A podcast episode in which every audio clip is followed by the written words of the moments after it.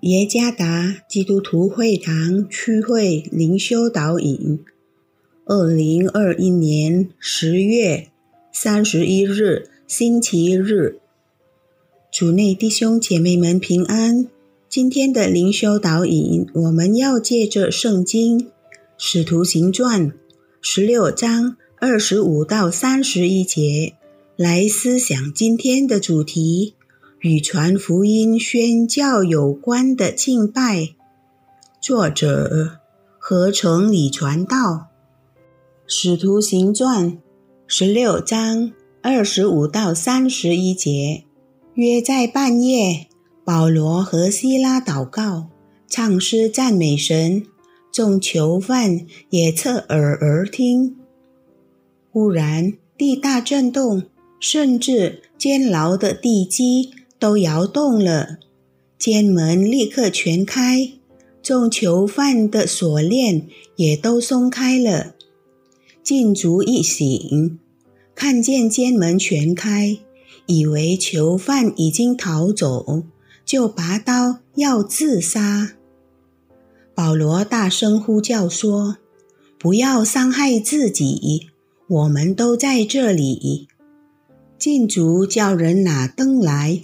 就跳进去，战战兢兢地俯伏在保罗、希拉面前，又领他们出来说：“二位先生，我当怎样行才可以得救？”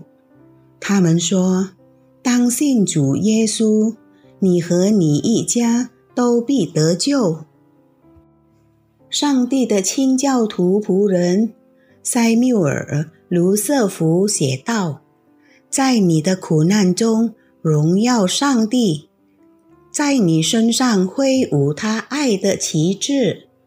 很多人看到你在主里刚强，就会跟随你的脚步。被女巫搅扰、嘲笑，参看《使徒行传》十六章十六节到十七节。”被腓利比城的大领主指控为骚扰制造者，参看《使徒行传》十六章十九到二十一节。受到腓利比官长以殴打和监禁的不公平对待，参看《使徒行传》十六章二十二到二十三节。禁足将他们下到内监里，也就是地牢。一个非常潮湿、寒冷、黑暗、可怕的监狱房间，禁足把他们的脚上了木狗。参看《使徒行传》十六章二十四节。这一切都是使徒保罗和希拉在前往腓利比城宣教时所经历的，但这一切。并没有削弱他们对上帝的信心，他们仍然以爱上帝的心敬拜他。虽然被囚禁、绞上了木狗，他们的心仍然交托于上帝，他们的心口唱诗赞美他。二十五节，即使在苦难中。他们仍然享受敬拜上帝，没料到上帝以他奇妙的方式动工，地大震动，监牢的地基脱开，监门全开，甚至锁链也都松开了。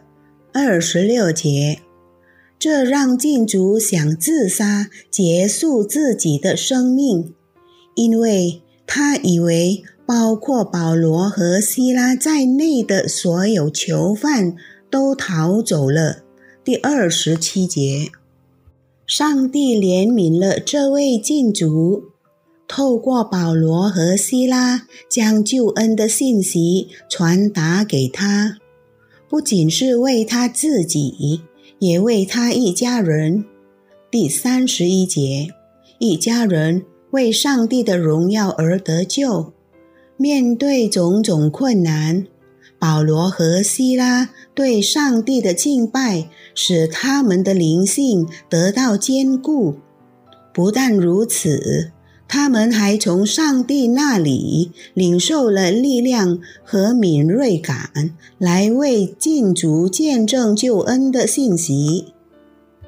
敬拜上帝与他的使命密切相关。基督的救赎塑造我们成为上帝的敬拜者，在我们面临的各种苦难中，始终交托于他。即使我们面临沉重、困难、疾病的情况，我们的心口总是赞美他。